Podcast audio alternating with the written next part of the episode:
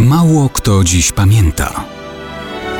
Datownik historyczny prezentuje Maciej Korkuć.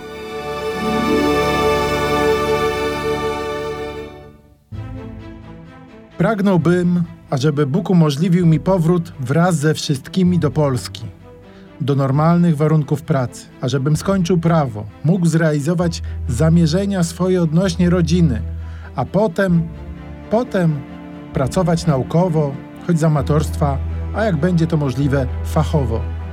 A przy tym moje życie tak ułożyć, aby ono mi dawało maksimum korzyści moralnych, fizycznych, materialnych, ażebym mógł rozwijać i swój charakter, swój umysł, swe ciało, ażebym ożenił się z piękną, dobrą i kochaną kobietą, ażebym miał z nią dzieci, takie, o jakich nieraz marzyłem. Proszę Cię, Boże, lecz przede wszystkim proszę Cię o to, by działo się to tylko, jeśli to jest możliwe, Boże, w ramach wielkiej, nowej i potężnej Polski. Wszystko to napisał w podręcznym notesie podporucznik rezerwy Zbigniew Przystasz dokładnie 80 lat temu. Był 3 kwietnia 1940 roku.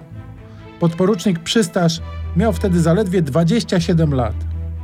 Miłość ojczyzny, plany na przyszłość, rodzina, nauka takich ludzi komunizm sowiecki uważał za niebezpiecznych dla planów światowej rewolucji.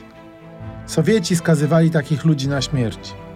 Notatnik podporucznika Przystasza z tym wpisem sprzed 80 lat znaleziono wśród tysięcy zwłok oficerów zamordowanych przez NKWD w Katyniu.